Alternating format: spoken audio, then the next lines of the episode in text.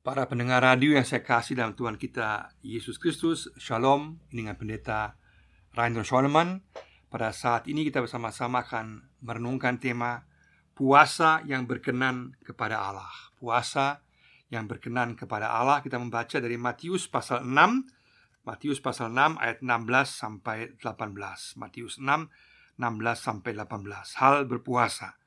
Dan apabila kamu berpuasa Janganlah muram mukamu seperti orang munafik. Mereka mengubah air mukanya supaya orang melihat bahwa mereka sedang berpuasa. Aku berkata kepadamu, sesungguhnya mereka sudah mendapat upahnya. Tetapi apabila engkau berpuasa, minyakilah kepalamu dan cucilah mukamu, supaya jangan dilihat oleh orang bahwa engkau sedang berpuasa, melainkan hanya oleh Bapamu yang ada di tempat tersembunyi. Maka Bapamu yang melihat yang tersembunyi akan membalasnya kepadamu. Puasa yang berkenan kepada Allah. Kita melihat bahwa Yesus menekankan di sini tiga contoh tentang kerohanian yang penting berkaitan dengan doa, berkaitan dengan pemberian persembahan dan sekarang juga berkaitan dengan puasa. Tiga jenis kerohanian yang penting tetapi yang juga berada dalam bahaya bahwa menjadi sebuah pameran atau menjadi sesuatu yang ditonjolkan dibanggakan depan orang dan bukan lagi menjadi suatu sikap mendasar terhadap Allah sendiri. Maka Yesus tidak mempertanyakan praktek doa, tidak mempertanyakan praktek untuk memberi persembahan dan sedekah, tapi juga tidak berkaitan dengan puasa. Yesus tidak mempertanyakannya, tapi Yesus ingin supaya sikap kita, motivasi kita, cara kita, tujuan kita sungguh-sungguh benar dalam segala hal, sehingga sungguh-sungguh kerohanian kita datang dari hati kita yang terdalam. Di sini Yesus berikan contoh mengenai puasa. Puasa suatu hal yang penting yang berkaitan dengan hubungan kita dengan Tuhan. Ada tiga hal yang saya ingin tekankan pada saat ini, tiga hal dari teks ini. Yang pertama berkaitan dasar yaitu pemahaman dasar puasa. Pemahaman dasar puasa. Kalau kita lihat bahwa dalam perjanjian lama secara mendasar puasa itu hanya pertama-tama diperintahkan diwajibkan pada hari pendamaian. Kalau kita membaca dalam Imamat 16 ayat 29 sampai 31 dan juga kita lihat juga Bilangan 29 ayat 7, maka di situ pada hari pendamaian bangsa Israel dipanggil dan juga diperintahkan untuk berpuasa. Tapi penekanannya di situ adalah kepada merendahkan diri, merendahkan diri. Jadi puasa hanya mempunyai arti puasa tidak makan, tidak minum, hanya memiliki arti kalau ada sikap merendahkan diri di hadapan Tuhan, sikap yang menentukan. Baru kemudian dalam masa-masa pembuangan bangsa Israel, barulah kemudian mereka juga membuat berbagai peraturan tentang hari-hari puasa yang dikhususkan sebagai hari-hari peringatan tentang berbagai kejadian peristiwa dalam bangsa Israel juga sehingga ada hari-hari tertentu di mana mereka kemudian merayakan sebagai peringatan sekaligus mereka melakukan puasa untuk mengingat hari-hari di mana Tuhan telah menolong mereka secara luar biasa dalam sejarah bangsa Israel. Kita lihat misalnya dalam Sakaria pasal 7 ayat 3 sampai 5, juga pasal 8 ayat 19. Tapi di samping puasa yang bersifat nasional bagi bangsa Israel, maka juga ada banyak sekali jenis puasa yang bersifat pribadi. Praktek puasa dan perjanjian lama yang berkaitan dengan merendahkan diri di hadapan Tuhan, berkaitan dengan mengaku dosa di hadapan Tuhan dalam Nehemia 9 ayat 1 dan 2. Juga misalnya kita lihat Yona 3 ayat 5, juga Yesaya 58 ayat 3 dan juga Daniel 9 ayat 2 sampai 20. Ada banyak jenis puasa yang bersifat pribadi dalam sikap merendahkan diri di hadapan Tuhan dan juga mengaku dosa. Juga ada berbagai jenis puasa yang berkaitan dengan permintaan khusus di hadapan Tuhan. Di tengah-tengah ketakutan, kekhawatiran, bahaya, keputusasaan yang sedang dialami, mereka berpuasa sebagai sikap untuk sungguh-sungguh mau menyerahkan diri di hadapan Tuhan sekaligus juga meminta pertolongan kepada Tuhan.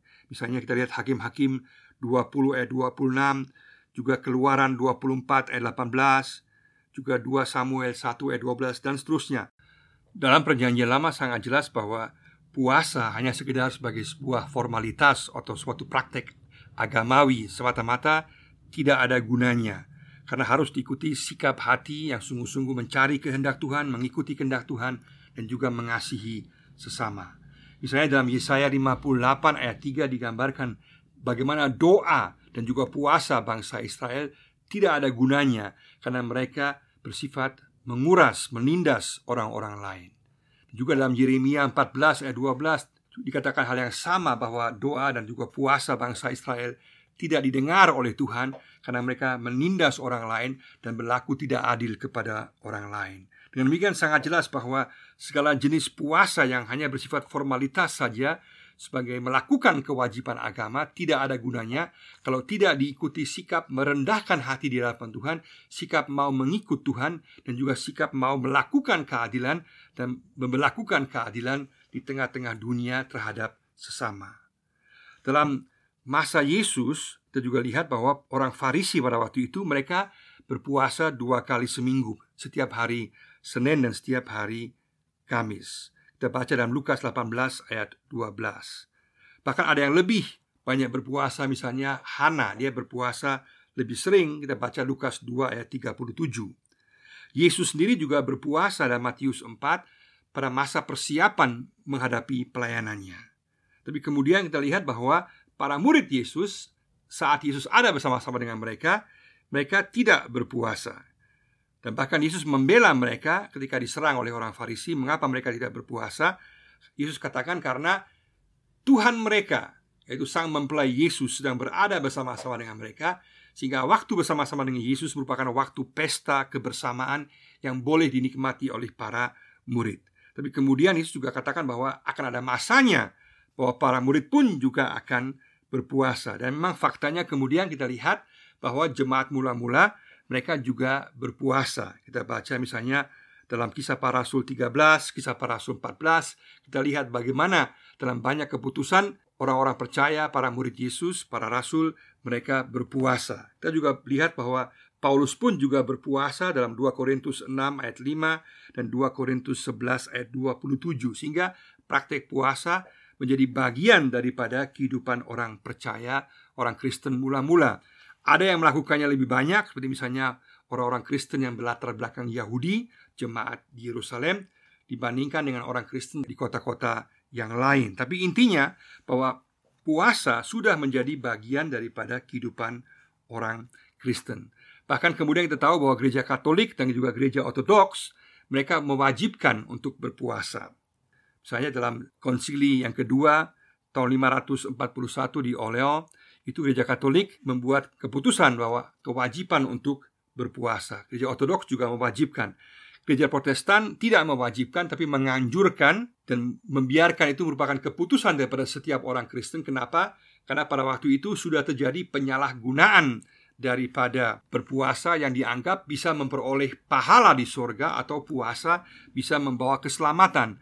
Dan itu yang ditolak dengan jelas oleh Martin Luther dan juga Calvin atas dasar Alkitab karena keselamatan bukan kita peroleh lewat puasa atau pahala juga bukan kita peroleh lewat puasa tapi keselamatan kita peroleh karena korban Kristus di kayu salib karena iman percaya kita sedangkan puasa adalah sebuah ungkapan iman dalam kehidupan sehari-hari dan juga dalam pelayanan terhadap Tuhan dan tidak ada hubungannya dengan untuk memperoleh keselamatan di sorga. Jelas bahwa Tuhan akan memberkati, Tuhan akan memperhatikan orang-orang yang sungguh-sungguh mencari Dia, yang berpuasa, yang sungguh-sungguh mencintai dan juga menyembah Tuhan. Tapi puasa sendiri tidak memberikan jaminan pahala dalam arti keselamatan kekal.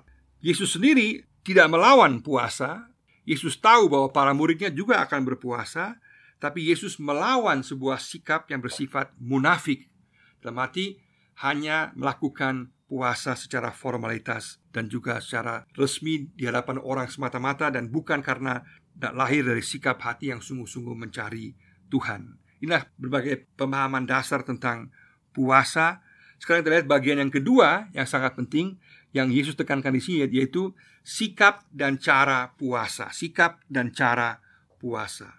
Dalam ayat 16 dan 17 sangat jelas bahwa Yesus sungguh-sungguh mempertanyakan sikap dan cara puasa yang hanya mencari kehormatan manusia, yang bersifat pamer diri, sebuah kerohanian yang bukan mencari pujian daripada Tuhan, tapi mencari pujian manusia. Sesuatu yang harusnya menjadi merendahkan diri di hadapan Tuhan, malah berubah menjadi sesuatu yang membanggakan diri di hadapan manusia. Sungguh-sungguh aneh.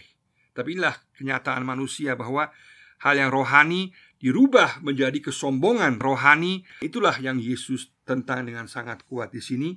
Sehingga sikap dan cara puasa yang hanya mencari kehormatan pribadi, membanggakan diri di hadapan orang lain, itulah yang Yesus tentang karena tidak berasal dari sikap hati yang terdalam yang sungguh-sungguh mencari Tuhan. Itulah yang Yesus pertanyakan di sini. Sehingga mereka pada dasarnya yang telah melakukan puasa model mencari pameran ini, kehormatan ini, mereka telah mendapat pujian daripada manusia, tapi sebenarnya tidak mendapatkan pujian daripada Tuhan, ditolak oleh Tuhan karena sikap hatinya tidak sesuai dengan hati dan kehendak Tuhan. Maka kita pun semua dipanggil untuk sungguh-sungguh memahami bahwa sikap kita dan cara kita untuk berpuasa harus sungguh-sungguh sesuai dan berkenan kepada Tuhan. Dan arti hati kita yang Tuhan lihat. Dan sini Yesus katakan sangat tegas bagaimana caranya yaitu bukan untuk pamer diri seperti orang lain yang membuat sehingga mukanya muram dan juga rambutnya kusut sehingga orang lihat bahwa dia sedang menderita, dia sedang setengah mati untuk berpuasa. Tidak begitu. Yesus katakan bahwa mereka yang berpuasa harusnya mereka sungguh-sungguh cuci muka dan juga taruh minyak di kepala. Maksudnya itu di rambut supaya kelihatan bersinar, supaya orang nggak tahu bahwa dia sedang berpuasa. Sehingga yang tahu hanya Tuhan saja, manusia tidak tahu. Itu artinya bahwa dia sungguh-sungguh melakukan puasa itu bagi Tuhan dan bukan untuk mencari kehormatan manusia. Yang ketiga di sini yaitu tujuan daripada puasa. Tujuan puasa di sini sangat jelas dikatakan bahwa tujuannya adalah agar Tuhan yang membalasnya, agar Tuhan yang melihatnya, dan agar Tuhan yang membalas. Dalam arti Tuhan yang memberikan kepada kita berkatnya karena puasa yang kita lakukan. Di sini puasa dapat berprinsip tidak makan, tidak minum sepanjang hari, atau juga bisa puasa dalam arti hanya tidak makan saja, tapi juga minum. Ada berbagai jenis cara puasa yang juga dipraktekkan, tapi inti daripada puasa adalah sungguh-sungguh fokus konsentrasi kepada Tuhan dalam berdoa, dalam membaca firman Tuhan, dalam mencari kehendak Tuhan. Itu inti daripada puasa. Sehingga semua hal yang mengalihkan perhatian kita harus kita singkirkan. Puasa handphone, puasa televisi, puasa komunikasi dengan orang lain, semua hal yang mengganggu kita harus kita singkirkan supaya sungguh-sungguh pikiran kita, hati kita tertuju kepada Tuhan. Baru puasa akan memiliki arti yang jelas. Karena pada akhirnya puasa inilah yang akan menyenangkan hati Tuhan karena kita sungguh-sungguh mencari Tuhan, kita mencari kehendak Tuhan, kita mencari wajahnya, kita menyembah Dia dan kita sungguh-sungguh mau mengenal firman-Nya dalam situasi kehidupan sehari-hari kita. Secara mendasar, dalam kita berpuasa yang pertama, kita akan menjadi semakin peka terhadap Tuhan, semakin peka terhadap keberdosaan diri kita sendiri dan juga semakin peka terhadap persoalan yang sedang kita hadapi dalam kehidupan kita. Kita akan semakin mengenal Tuhan, firman Tuhan dan semakin mengenal diri kita sendiri. Sehingga puasa akan menjernihkan pikiran kita, menjernihkan kehidupan kita sehingga kita juga bisa sungguh-sungguh bisa membawa dosa kita, kesalahan kita di hadapan Tuhan dapat memperoleh pengampunan daripada Tuhan karena kita telah sungguh-sungguh menjadi peka terhadap firman Tuhan dan kehendaknya. Yang kedua, puasa akan membawa kita sehingga kita menjadi semakin mampu untuk bisa membawa pergumulan hidup pribadi kita di hadapan Tuhan. Puasa bisa membawa pergumulan hidup kita di hadapan Tuhan, mendoakan pergumulan hidup kita, masalah kita, pribadi kita, keluarga kita, anak kita, pekerjaan kita, semua dapat kita bawa di hadapan Tuhan. Kita dapat sungguh-sungguh mendoakannya dan juga menyerahkannya dalam tangan Tuhan. Yang ketiga, puasa tujuan puasa juga adalah membawa segala jenis keputusan kehidupan kita dan juga pelayanan kita di hadapan Tuhan. Sehingga kita berpuasa supaya mencari keputusan dalam kehidupan pribadi dan juga dalam kehidupan pelayanan. Kita mencari kehendak Tuhan, mencari perintah Tuhan, mencari apa menjadi peka terhadap apa yang merupakan kehendak Tuhan bagi kehidupan pribadi kita dalam banyak hal. Pekerjaan kita, mencari pasangan dalam keluarga, dalam pendidikan anak-anak kita, dalam usaha dunia usaha kita, dalam apa pun yang kita kerjakan, kita sungguh-sungguh bisa membawa pergumulan kehidupan kita di hadapan Tuhan, maka puasa sangat berguna. Yang keempat, puasa juga membawa syafaat kita mengenai jemaat kita di hadapan Tuhan. Kita bisa berpuasa untuk membawa doa syafaat, mendoakan jemaat kita dengan segala persoalannya, segala pergumulannya, segala program pelayanannya. Sungguh-sungguh dengan doa puasa, kita bisa membawa segala hal di hadapan Tuhan. Yang kelima, puasa juga baik untuk persiapan pelayanan kita. Apa pun pelayanan kita, kita bisa berpuasa sebelumnya, bahkan juga untuk sekolah minggu, untuk pelayanan di tengah-tengah jemaat, apa pun pelayanan kita, kebangunan rohani, penginjilan, pastoral, sosial diakoni, apa pun juga kita bisa juga sungguh-sungguh melakukan puasa untuk menyiapkan diri bagi pelayanan tersebut. Yang keenam juga bisa puasa dalam menghadapi pelayanan khusus berkaitan dengan okultisme, berkaitan dengan kuasa kegelapan. Misalnya Matius 17 ayat 21 mengatakan bahwa ada hal-hal yang kita harus sungguh-sungguh berdoa dan berpuasa untuk menghadapi kuasa kegelapan. Dan juga yang terakhir yang ketujuh, puasa dapat kita lakukan sebagai penyembahan di hadapan Tuhan. Kita menyerahkan diri kita kepada Tuhan.